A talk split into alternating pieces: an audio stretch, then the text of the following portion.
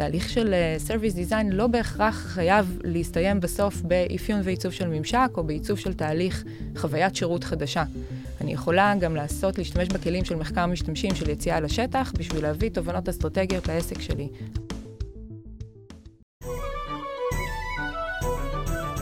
ברוכים הבאים לניהול מוצר גרסת הבמאי. בוקר טוב שלומית. בוקר טוב בני. אה, בוקר טוב אה, נורה. בוקר טוב. אחת שלנו. בוקר טוב לאייר שחולה בבית, אנחנו מאחלים לו החלמה טובה, כשאתם שומעים את הפרק הוא מן הסתם בריא, כי אחרת לא היה מי שיערוך את הפרק. אה, זה הוכחה. והיום אנחנו הולכים לדבר על service design. לפני הכל, נורה, קצת על עצמך. אז אני נורה, אני היום עובדת בחברת טאסק, חברת management consulting. מובילה בארץ, ואני מנהלת בחירה במחלקת הדיגיטל, אחראית על כל תחום האקספיריאנס במחלקה. הרקע שלי קצת אה, אה, מגוון, התחלתי בכלל מעיצוב תפאורה, אה, עסקתי בזה קצת, ואז הבנתי שזה לא מה שבוער לי בבטן, והחלטתי ש... לשנות קצת כיוון, הגעתי לתואר שני בבצלאל בתחום של ניהול עיצוב, אה, ולחבר קצת בין החשיבה העיצובית לביזנס. ונחשף שם לתחום שנקרא Service Design, שם זו הפעם הראשונה שפגשתי את צמד המילים הזה, ויחד עם אה, חברה ללימודים עשינו איזשהו פרויקט גמר בתחום, מה שהוביל אחר כך לזה שפתחנו עסק עצמאי בתחום, עסקנו בזה כמה שנים, ולפני כמה שנים חברנו לחברת טאסק והקמנו שם באמת את מחלקת הדיגיטל, שהיום היא גם product ודאטה וכולי. יאללה, בוא, בואי נצלול קצת פנימה, מה זה Service Design? עיצוב שירות קצת פשוטו כמשמעו, זה לקחת uh, חוויה או תהליך שירות ולעצב אותו. או שאנחנו מעצבים משהו שלא היה שם קודם, או שאנחנו לוקחים תהליך שירות uh, קיים ומוצאים את הדרכים לשפר אותו. הרעיון שעומד בבסיס של הדבר הזה זה קודם כל להסתכל על מי האנשים, לענות על צורך של אנשים. ולהסתכל על החוויה מקצה לקצה. זאת אומרת, אני לא מסתכלת רק על אינטראקציה אחת, אלא על איזשהו רצף של אינטראקציות, מה המצב הרגשי של הבן אדם, כשהוא עובר את האינטראקציות האלה, ולראות איך אני יוצרת איזשהו מכלול. רגע, רגע, אבל, אבל זה נשמע לי כאילו גם בעיצוב מוצר, כאילו ברור, זה מה שאני צריך לעשות. אז, אז למה, למה השם, ה, השם השונה? אז אני חייבת להגיד שאני רגע כבר עשור בתחום, ויש כל כך הרבה שמות שונים, שאני קצת uh, מתרחקת uh, מה-name dropping של מושגים. לדע, לדעתי, אחרי שאתה מתעסק בזה הרבה שנים, אתה כבר מוצא ולוקח מכל מתודולוגיה את הדברים שנכונים לך בתוך הדבר הזה. זאת אומרת, Service Design זה איזושהי צורת חשיבה, לא בהכרח איזושהי מתודולוגיה שצריך לעשות אותה מן שלב אחרי שלב. אבל אני חושבת שהייחודיות של התחום הזה, אם אני כן חושבת על קהל המאזינים שלנו, של מנהלי מוצר, אה, זה כן איזושהי הסתכלות שהיא קצת יותר זום אאוט. נורה, תחדדי לנו. אה, עכשיו למאזינים, מה הכוונה בעיצוב שירות? האם מדובר במתודולוגיה מסוימת שמתאימה לכל עיצוב מוצר, פשוט הסתכלות אחרת על עיצוב מוצר, או שאנחנו מדברים מתודולוגיה שמתאימה לאספקטים מסוימים של כשיש שירות מעורב בניהול מוצר או, או, משהו, או במוצר או משהו אחר? אז אני חושבת שזה גם וגם. זאת אומרת, המתודולוגיה הכי מתאימה לעיצוב של תהליכי שירות. זאת אומרת, משהו שהלקוח שלי, אה, המשתמש שלי, עובר איזושהי חוויה. בתוכה יכול להיות מוצר, איזושהי אינטראקציה, איזשהו ממשק, אבל אני מסתכלת על רצף של אינטראקציות שהלקוח שלי עובר, ואת זה אני רוצה לשפר. תני לי דוגמה, כי עוד פעם, אני אומר, זה, זה... בכל מוצר יש את זה. נכון. אז תני אז לנו דוגמה, תמחישי לנו מה הכוונה. Uh, הדוגמה הכי קלאסית, ואני אקח דווקא דוגמה פשוטה, כי אני חושבת שמזה אפשר להבין את זה, uh, קופת חולים, אוקיי? זה חוויית שירות, אני, uh, זה חוויית שירות הכי בסיסית שכולנו עברנו אותה. החוויה הזאת מתחילה ב, uh, באיזשהו צורך, בן אדם מרגיש לא טוב, uh, רוצה לדעת מה יש לו, יכול להיות שהחוויה בכלל מתחילה עוד בדברים שאני כ... כחברה עוד לא יודעת לספק לו, הצורך הראשוני. אז כל מה שקורה פרה-סרוויס, הוא יכול לחפש עכשיו uh, בגוגל מה עובר עליו, הוא יכול uh, לשאול, להתייעץ עם חברים, כל הדבר הזה הוא כבר חלק מחוויית השירות שהוא עובר. מגיע השלב שהוא כבר רוצה לקבוע תור לרופא, כאן יכול להיות שהוא יפגוש את האפליקציה של קופת החולים, אוקיי? זה כבר, אני פוגשת איזשהו מוצר בתוך התהליך שלי. ואז יש את כל התהליך של קביעת התור והתראות וכולי. באיזשהו שלב הוא מגיע גם למרפאה, יש פה גם ממשק פיזי שקורה. ואז זה כבר ההמתנה בתור, והמפגש עם הרופא, וטפסים אולי שהוא צריך למלא, אולי צריך לעמוד שם ולחכות לקבל איזשהו משהו, כל הדבר הזה זה הסרוויס עצמו. אה, זה השירות שאני נותנת כחברה ללקוח שלי. טוב, האמת ש, שיש לי פה, קודם כל הזכיר שירותי, את יודעת, אה, קופת חולים, אז, אז לימור אשתי עובדת בשירותי בריאות, יש לי 5,000 הצעות לשיפור השירות שלהם, כי אני מכיר את הכל מאוד מאוד מקרוב, אבל אנחנו לא נגלוש לשם. זה 15 פרקים בפני עצמם. אה, אבל זה קצת, האמת שיצא לי, יצא לי בזמנו לעבוד במוצר אה, שהיה שילב חומרה ותוכנה, ואז את באמת רואה את ההבדל הזה. כלומר, אז מאוד ברור שהחוויה מתחילה עוד בפתיחת הקופסה ולא באפליקציה. Mm-hmm. או, או לפני, באיך מקבלים את הקופסה וכולי. אז, אז מי שיוצא לו קצת לעשות מוצרים אה, פיזיים מאוד מכיר את זה. ובאמת, אנשים במוצרי תוכנה לפעמים חוטאים בזה. ואני חושב שדיברנו על זה בפרק, ואני לא זוכר באיזה פרק דיברנו על הקטע הזה, שבאמת... זה נשמע לי טבעי, כלומר, אתה צריך להסתכל על הלקוח עוד הרבה הרבה לפני שהוא נכנס לאפליקציה שלך. זה לא רק זה, זה גם, הוא כבר נכנס לאפליקציה שלך, תסתכל על הסביבה שבה הוא נכנס לאפליקציה שלך. אם עכשיו אני מעצבת איזשהו ממשק שאני יודעת שהוא מתחיל בסביבת עבודה משרדית, ואחר כך המשתמש שלי יוצא לשטח, ברור. אז אני, הוא פוגש את השמש. זה משפיע לי על איך, מת, איך אני אעשה את הפלואו. זאת אומרת, וגם אם אני לוקחת את הדוגמה של הקופת חולים, אם אני אני יכולה לעשות את האפליקציה באמת הכי מדהימה והכי מהממת, אם בסוף uh, המשתמש שלי יושב בהמתנה ו... לא יודעת, מחכה שעות, או הרופא מתנהג אליו בצורה מסוימת, או הוא צריך למלא מיליון טפסים, החוויה תהיה שלילית, ואז זה לא משנה כמה אפליקציה מוצלחת. את מוזמנת לנסות אה, במטרונית להזמין כרטיסים, הם לא חשבו על השמש. אבל כן, מכיר, עבדתי גם ב automotive, וכן, האפליקציה יושבת בשמש, וכדי לבחון את זה בחוץ אתה חייב, אבל, אבל זה כאילו... כן, אבל זה נשמע לנו כאילו obvious, אבל בסופו של דבר, וזה אני חושבת המתודולוגיה של עיצוב שירות מכניסה בתהליכי העבודה שלנו את העניין הזה של ה prototyping. עכשיו, כולנו מכירים לעשות prototyping ו user testing, אחלה. אבל יש הבדל בין שאני עושה את זה עכשיו ואני בודקת את זה מול מסכים, לבין לצאת לשטח ולבחון את זה ממש במציאות. זאת אומרת, אנחנו אה, בעברי, עשינו גם פרוטוטייפים פיזיים. אז אני, נכון, אני מגיעה מרקע של עיצוב, וקצת יותר עיצוב קלאסי. אמ, אבל אפשר לעשות את זה גם כשאנחנו מעצבים ממשקים. אה, עשינו, אמ, עשיתי בזמנו, הייתי חלק מאיזשהו האקתון כזה עם עיריית תל אביב, ובחנו איך אנחנו מחברים את החוויה של עובדי הניקיון לתושבים. זאת אומרת, איך אנחנו מכירים ביניהם. אה, ואחד הדברים שעשינו, חשבנו על איזשהו מודל, רצינו למצוא פתרון גם לעובדי הניקיון, להחזיק את, ה, את הכלים שלהם, אה, את הכלים שלהם, וגם לראות איך אנחנו יוצרים את החיבור הזה. ממש לקחנו קרטונים. בנינו מסכים, בנינו אה, איזשהו מודל פיזי, לקחנו עמדות של טלופן, העמדנו את זה על, ועצרנו אנשים ברחוב וקיבלנו את הפידבקים מהם. שזה פידבקים בדיוק כמו אם עכשיו אני אעבור ואני אראה אה, בממשק איפה בן אדם מקליק ומה, ואיך אה, הפלואו הולך.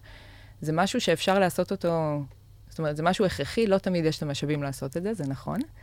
אמ, אבל רק להטמיע את החשיבה הזאת, שהמוצר שלנו לא עובד באיזשהו סילו, שזה חלק מתוך איזשהו אינטראקציות שהמשתמש שלי, כשהוא משתמש במוצר שלי, גם עובר עוד דברים במקביל, זה חשיבה שלא תמיד צוללים אליה. אז אם אני שנייה אעשה פה איזושהי אה, הפרדה, יש לי בעצם את העולם שאנחנו ממש מכירים, של התוכנה, של ניהול מוצר שהוא רק מתחשב בתוכנה, ופה את בעצם מביאה לנו איזשהו אספקט של העולם הפיזי, האמיתי, שאנחנו מת... פתאום מתייחסים אליו. כן, זה נכון. Uh, שוב, אבל זה לא בהכרח, בגלל זה מה שאמרתי מקודם. אני מביאה את האספקט של העולם הפיזי. Uh, כשהייתי עצמאית, אז באמת הפרויקטים שלנו שילבו גם וגם. זאת אומרת, uh, עשינו באמת איזשהו פרויקט לרשת של מרפאות, ונתקלנו בדבר הזה של... Uh, uh, שיש דברים שאתה מגלה במחקר משתמשים, כשאתה יוצא לשטח, שאי אפשר לגלות אותם בשום דרך אחרת. אני אתן רגע דוגמה, וזה קצת לצלול למתודולוגיה עצמה, כי אחד הדברים המרכזיים במתודולוגיה של Service Design זה, אה, זה לצאת לשטח, זה לעשות תצפיות, זה לעשות רעיונות ברצפת השירות.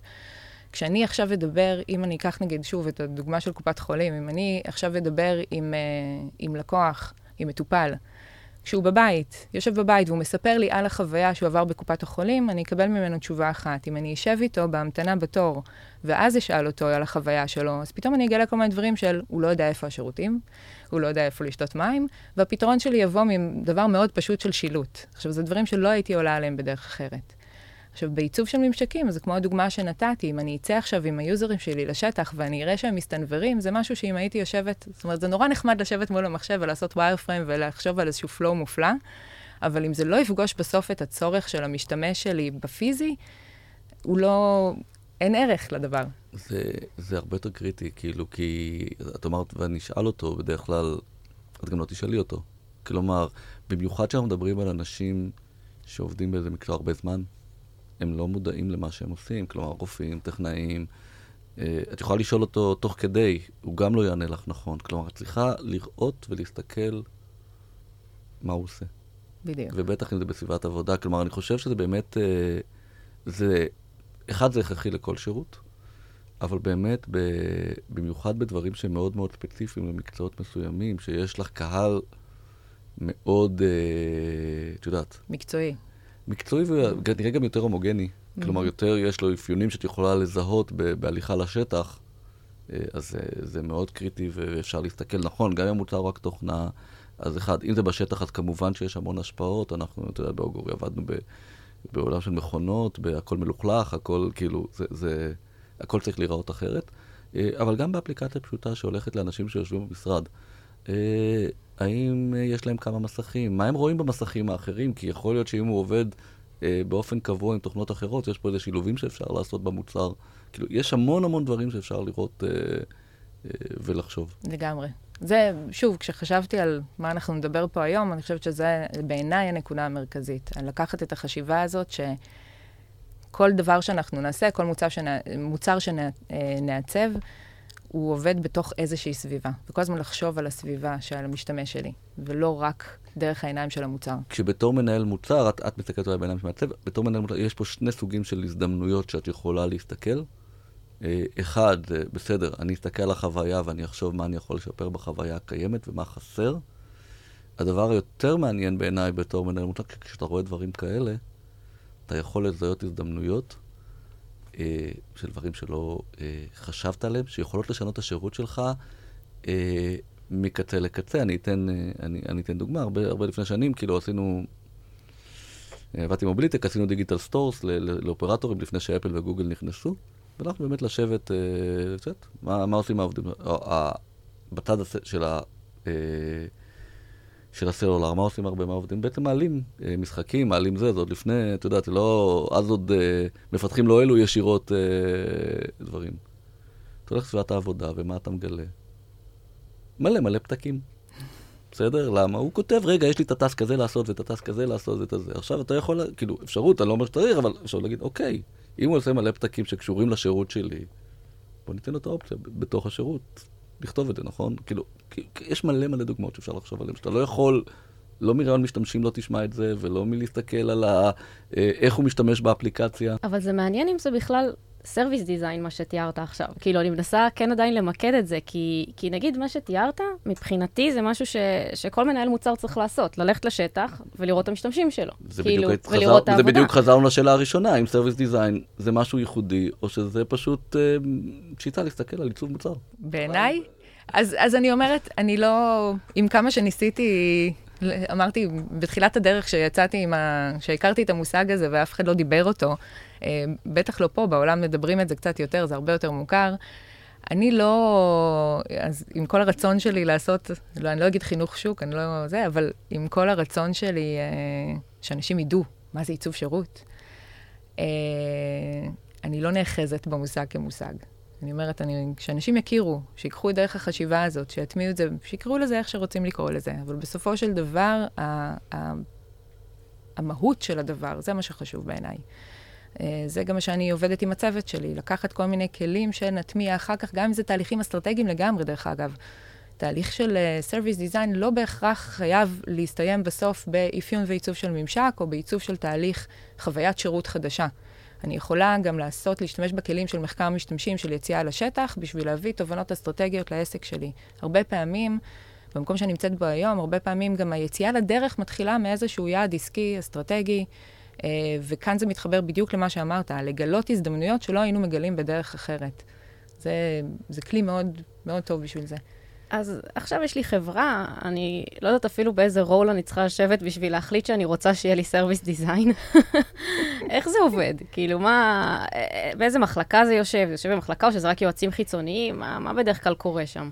אז התחום עוד לא מספיק אה, קיים וממוסד בארץ כתחום. זאת אומרת, מה שאני מכירה, מעצבי שירות שאני מכירה, עובדים בדרך כלל כעצמאים, ככה גם אני עבדתי בעברי. אה, מה שאני עושה היום זה באמת הרבה יותר רחב, אוקיי? זה כבר נושק לעולמות ה-UX ו-CX וכולי.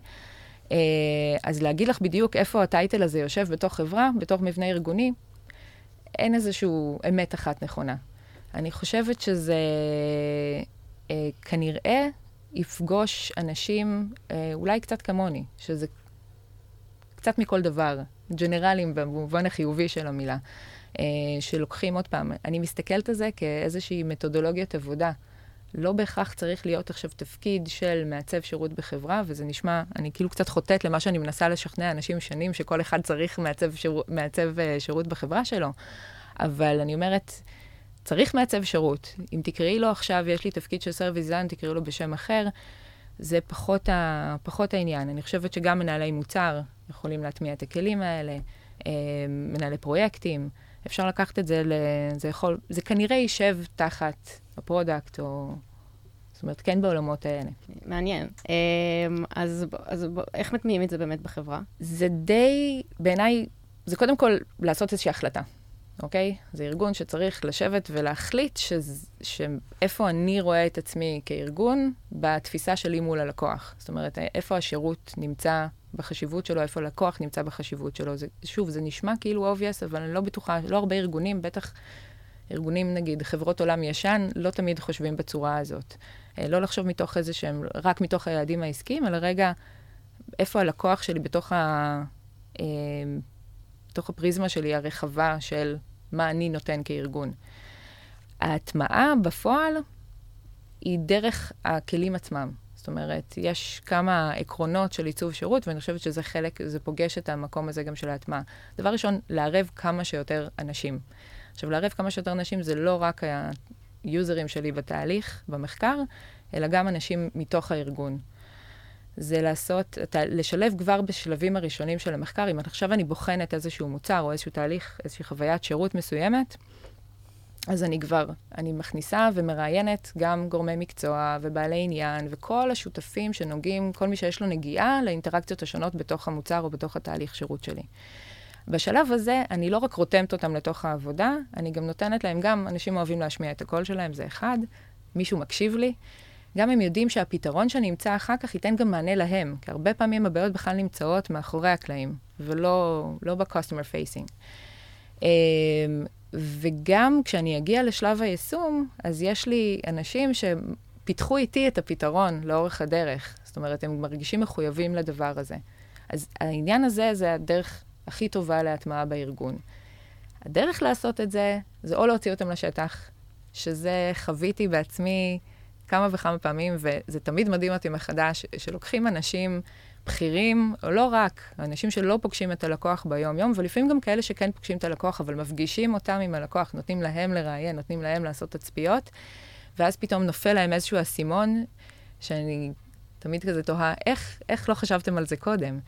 אמ, וממש רואים, אני רואה את זה אצל לקוחות שלי, שאחרי שהם עוברים חוויה כזאת, השיח משתנה, הם מדברים אחרת. אמ, אז זה אחד, להוציא אותם לשטח ממש, ואם אני לא יכולה, אז לייצר איזה שהם מפגשים. הם מפגשים של, שוב, של כל בעלי העניין האלה.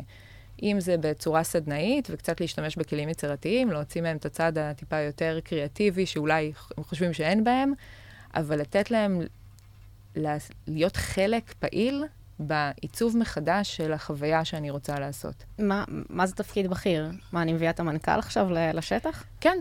זאת אומרת, זה הרבה, אמ, היה לי הרבה ניסיון עם זה בגופים ציבוריים, שזה, גופים ציבוריים מחולקים הרי למטה ושטח, בצורה קצת יותר מובהקת. אה, אז כן, אנשים מהמטה שמכתיבים מדיניות, שיוצאים לשטח לפגוש את אותו בן אדם שמחכה בתור לדרכון, או לחלופין יושב uh, ברשויות המס ו... ותוהה על עתידו. Uh, זה עושה פלאים לחשיבה. אני רוצה, אני רוצה קצת לאתגר אותך. דווקא המקומות שאת מתארת, הם היותר קלים לסרוויס דיזיין. אני כאילו... למה? אין שם מספיק, לא עשו שם עבודה מספיק. anyway, מדובר בפרויקטים ארוכים, מאוד קל להיכנס. בסדר, יש לך את העבודה הראשונה של לשכנע אותם שהם צריכים להיכנס לפרויקט הזה. אבל מרגע שעשית את זה, זה יהיה זמן. יאללה, נעשה אפליקציה דרכון בשנתיים הקרובות, אה, יש לנו זמן לעשות מחקר, לעשות הכל, אף אחד לא ממהר, נעבוד בשירותים ישנים. בואו נדבר דווקא על service design בסטארט-אפים שמאוד קרובים ללקוח, בחברות שרצות מהר. כי האתגר שמה הוא אחר. אה, אחד הבעיה, כשאתה מביא באמת אנשי, לא, בדיוק, לא חושב איך את קוראת לזה Service Design, אה, Human Factor Experience, תקראי לזה איך שאת רוצה, אבל אנשים שבאמת רגילים למחקר יותר ארוך, וזה באמת תהליכים, כלומר, לעשות תהליך כזה זה לוקח זמן. אה, בטח בימי קורונה, ש, ש, שלא נפגשים עם הלקוחות, כאילו, זה תהליך ארוך.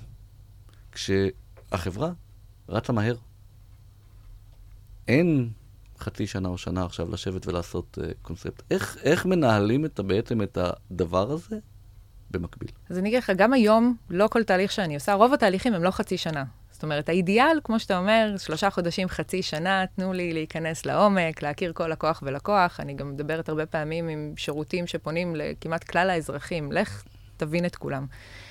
Uh, משהו שאני עושה בשנתיים האחרונות, זה משהו שהוא מוכר, דיזיין ספרינט, אני חושבת שזה מושג שהוא, שאני לא צריכה להסביר מהו, אבל לקחתי את הכלי הזה של דיזיין ספרינט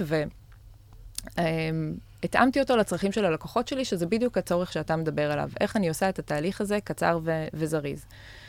ואז אנחנו פשוט מצמצמים את כל שלב המחקר, אבל לא על חשבון המידע והמקצועיות. אנחנו נשתמש בהרבה יותר נתונים, אוקיי? מן הסתם תמיד יהיה שם איזשהו דאטה שאנחנו נתבסס עליו בתור נקודת התחלה. נחקור קצת את עולם התוכן, נראה כבר מה קרה, מה קרה בחוץ. אמ, אז אנחנו נשתמש הרבה בנתונים, אנחנו נצמצם את כמות הרעיונות שאנחנו עושים, ונמצא, נכין טוב טוב את התמהיל מרואיינים שלנו. זאת אומרת, נבין מי האנשים שחובה אה, לדבר איתם, ויש גם הרבה מחקרים שתומכים בזה, שלפעמים מספיק לדבר עם ארבעה-חמישה אנשים בשביל להבין את האתגר האמיתי. עכשיו, בדבר, במקומות כאלה, שאנחנו צריכים לצמצם את, ה, את המחקר שלנו, אנחנו גם מחליטים מראש עם הלקוחות שלנו מה הפוקוס. זאת אומרת, אנחנו בוחרים איזשהו מקטע מתוך הדבר הזה, בוחרים איזשהם אתגרים, אה, זאת אומרת, עושים את, ה, את המחקר שלנו ובודקים על איזה אתגרים אנחנו אה, רוצים לעבוד, על מה אנחנו רוצים לטפל. ואנחנו כל פעם נעשה את זה אולי בשלבים. אז המחקר הוא מאוד מצומצם ברמה של שלושה, ארבעה שבועות אפשר להגיע לאיזשהו תוצר בלופרינט מאוד מאוד מפורט, שגם מראה לי את כל מה שהלקוח עובר בכל שלב ושלב, וגם מראה לי את כל מה שקורה מאחורי הקלעים. ועוד פעם, זה נשמע משהו שמתאים, עוד פעם לא מזלזל וזה חשוב מאוד, משהו שמתאים ל... כשאני רוצה לעשות איזה שינוי קונספט, כשאני רוצה, כלומר, כשכבר בעצם, או שזיהיתי איזושהי בעיה גדולה ואני רוצה לעשות איזה שינוי משמעותי, אה, או שסתם, בסדר, החלטתי, לא זיהיתי בעיה, אבל אני מוכן להשקיע עכשיו בצד, סליחה שאני אומר, ארבעה שבועות מבחינתי זה בצד, כן? זה תהליך ארוך. אה, לא, אוקיי. בסדר? ובוא נגיד שאנחנו עושים זה, גם את זה. בסדר? עכשיו עשה, עשה ועשה שינוי.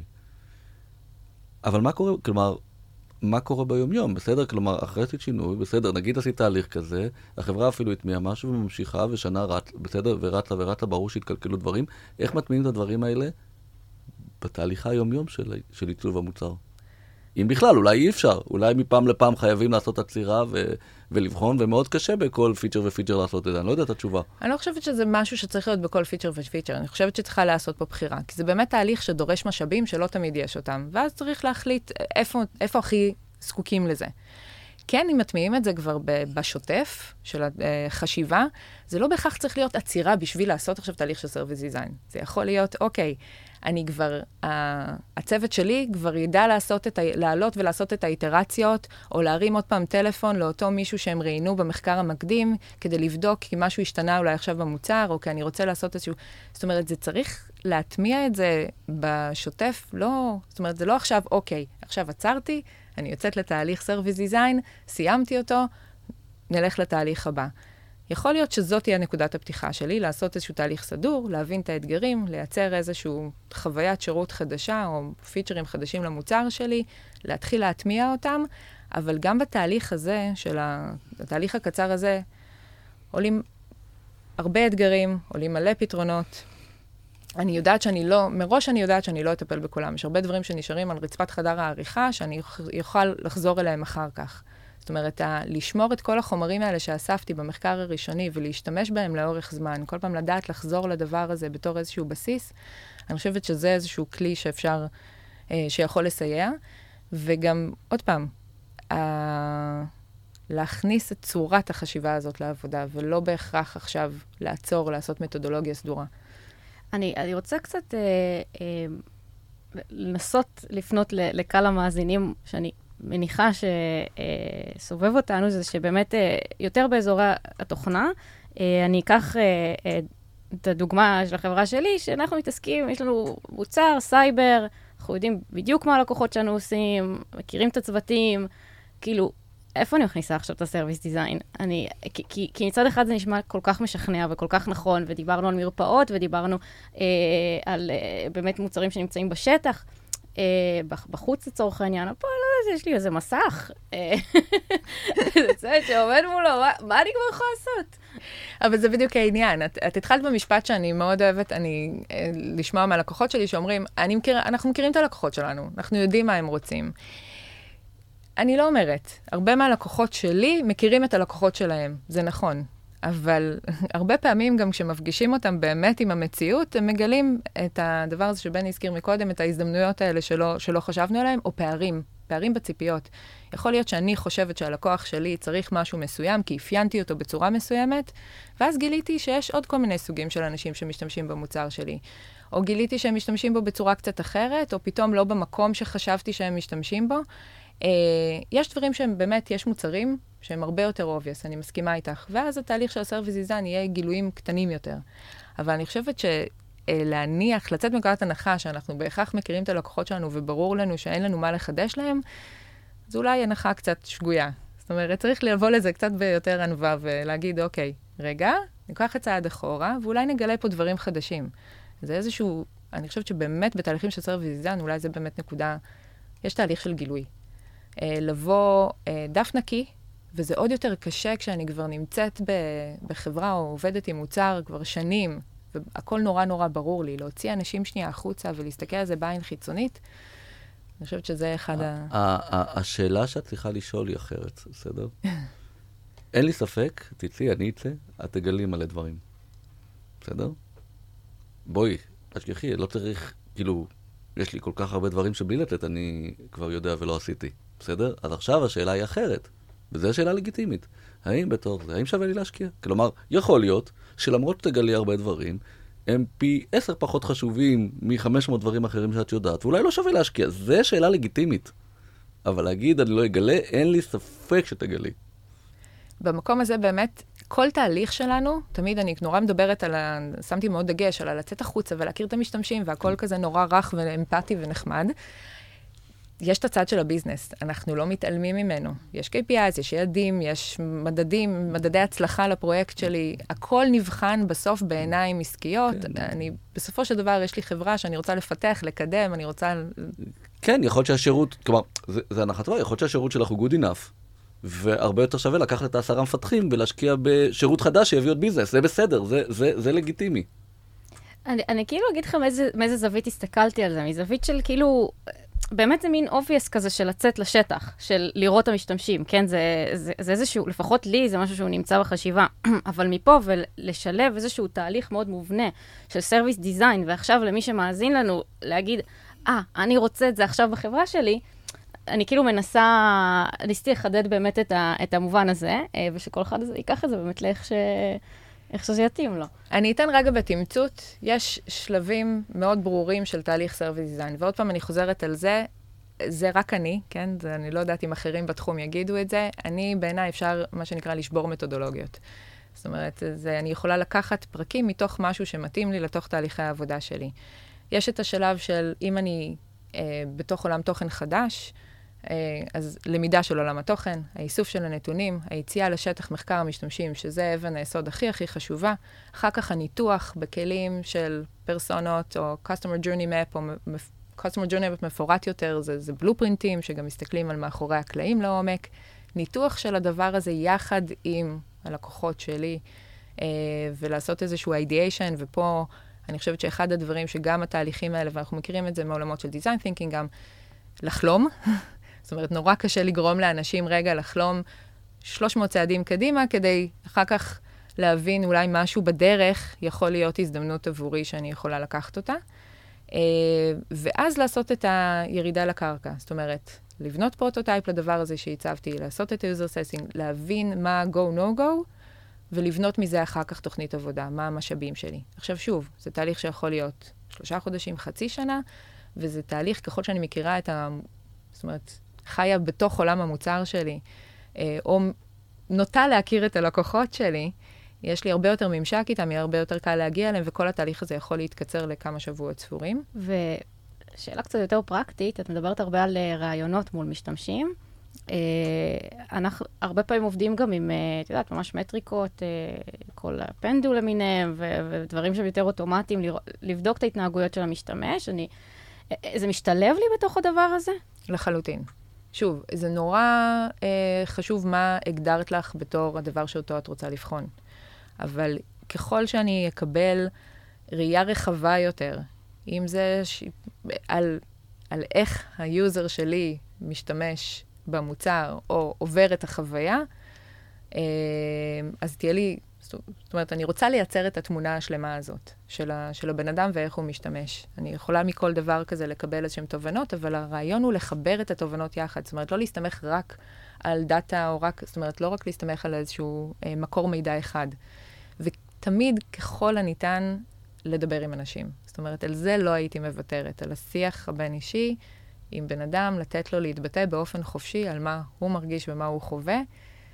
זה הרבה פעמים באמת priceless, התובנות שאפשר להשיג מהדבר הזה. גם, אגב, אחד מהאתגרים, זה כבר אני קצת אה, צוללת לנושא אחר, זה באמת הראיונות מול, מול משתמשים, של כאילו, הם לא באמת יודעים מה הם רוצים, וגם כמו שבני הזכיר קודם, הם אפילו לא, לא יודעים ש, שהם אולי סובלים מאיזה משהו, כי איך את מכוונת אותם? איך את... אה... אז פה יש תיאוריות שלמות של איך לבצע מחקרי משתמשים, אנחנו לא נצלול עכשיו ממש לעומק התיאורטי של הדבר. אה, מאוד חשוב לבוא, הזכרתי מקודם את המילה אמפתיה, זה, זה שוב, דברים שנשמעים obvious, אבל זה לא כל כך מובן מאליו ברגע שניגשים לזה. אני חייבת לבוא בלי הנחות uh, יסוד, בלי איזושהי uh, דעה מוקדמת על הדבר, ולתת לבן אדם להתבטא. עכשיו, את צודקת לחלוטין, כמעט תמיד המשתמשים שאני אראיין אותם לא, לא יודעים לבטא בהכרח את הצורך שלהם, או מה הבעיה. ואני כבר באה עם איזושהי חשיבה למה, לאן אני מכוונת. Uh, אז יש סדרה של שאלות שמכניסות את הבן אדם לתוך הרעיון, קודם כל כדי לגרום, לגרום לו להרגיש בנוח, ואז אני שואלת שאלות שמצד אחד פתוחות מספיק כדי שהוא יתבטא באופן חופשי, ומצד שני סגורות שמכוונות אותו ל... להתמקד בשלבים השונים. זאת אומרת, אני ניתן איזושהי דוגמה רגע, אם אני עוברת עכשיו על איזשהו אה, תהליך שירות, אז אני אשאל את הבן אדם על הפעולות שהוא עושה. זו שאלה נורא קלה. בן אדם יודע לתאר מה הוא עשה בכל רגע, בכל שלב ושלב. אחר כך אני אוסיף לזה עוד איזושהי שכבה שכבר שואלת אותו על, על איך הוא הרגיש בכל שלב, עם איזה ממשק הוא פגש בכל שלב, ואני אתחיל להיכנס לעוד ועוד רבדים. מתוך הדברים האלה, הוא פתאום יחשוב על זה של רגע, הוא יתחיל לדמיין את עצמו אולי, אם אני עושה את זה במקום השירות, אז בכלל, אבל אם, גם אם לא, אז הוא יתחיל לדמיין את עצמו רגע בתוך הסיטואציה, ואז הוא פתאום ייזכר באיזשהו משהו שאולי הוא לא חשב קודם. ואז הוא יגיד, כן, נכון, את צודקת, הטופס הזה, משהו פה לא, לא היה מובן, אה, ופה כאילו לא הבנתי על מה אני צריך, כאילו לאן אני צריך ללכת, או על מה אני צריך ללחוץ, או... זאת אומרת, זה יכול להיות דברים, ניואנסים מאוד מאוד קטנים, וזה יכול להיות מישהו ש... לא יודעת, סבל נורא בחוויה ורק מחפש אל... לפרוק עלינו. אבל, אה, אבל צריך לעשות את זה מאוד מאוד מובנה, ולקחת אותו שלב אחרי שלב כדי להוריד עוד שכבה ושכבה, ככה לחשוף. האם, אגב, אנחנו מתקרבים לסיום, אה, אז ככה שאלה אחרונה מהצד שלי. אה, האם גם אנחנו יכולים לקבל תובנות שאנחנו בכלל צריכים להוסיף עכשיו שירות למוצר עצמו. זה קורה.